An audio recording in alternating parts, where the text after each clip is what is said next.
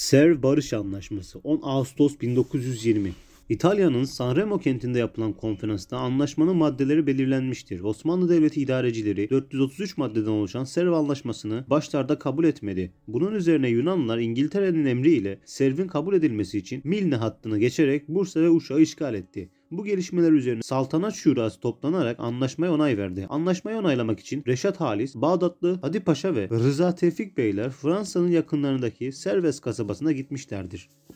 Osmanlı Devleti imzaladığı son anlaşma Serv'dir. İleride Serv'in yerine Lozan Barış Anlaşması imzalanacaktır. Bu Serv Anlaşması hukuken geçersizdir. Nedeni ise anlaşmanın Osmanlı Mebusan Meclisi'nin onayından geçmemesidir. Ayrıca milli mücadele başarıya ulaştığı için de uygulanamamıştır. Serv Anlaşması'nın taslağı İtalya'da hazırlanırken imzalanması Fransa'da gerçekleşmiştir. Anlaşmanın maddeleri İzmir ve çevresiyle Doğu Trakya Yunanlılara bırakılacak. Güneybatı Anadolu Konya Kulya kadar İtalyanlara bırakılacak. Anadolu'nun güneyi Suriye ve Zonguldak Fransa'ya bırakılacak. Musul yani Irak ve Filistin İngiltere'ye bırakılacak. Doğu Anadolu'da vilayeti Sitte yani Ermenistan devleti kurulacak. Trabzon ve çevresinde Pontus Rum devleti kurulacak. İstanbul Osmanlı Devleti'nin başkenti kalmaya devam edecek ancak azınlık hakları korunmazsa Osmanlı'dan alınacak. Osmanlı Devleti kapitülasyon vermeye devam edecek. Osmanlı Devleti'nin ordusunun sayısı 30.700 geçmeyecek. Ordusunda ağır silah ve savaş gemisi bulunduramayacak. Osmanlı Devleti savaş tazminatı ödeyecek. Kürtler isterse Kürdistan Devleti kuracak. Boğazlar bir komisyon tarafından yönetilecek. Komisyonun ayrı bir bayrağı ve bütçesi olacak. Komisyonda Türkiye olmayacak.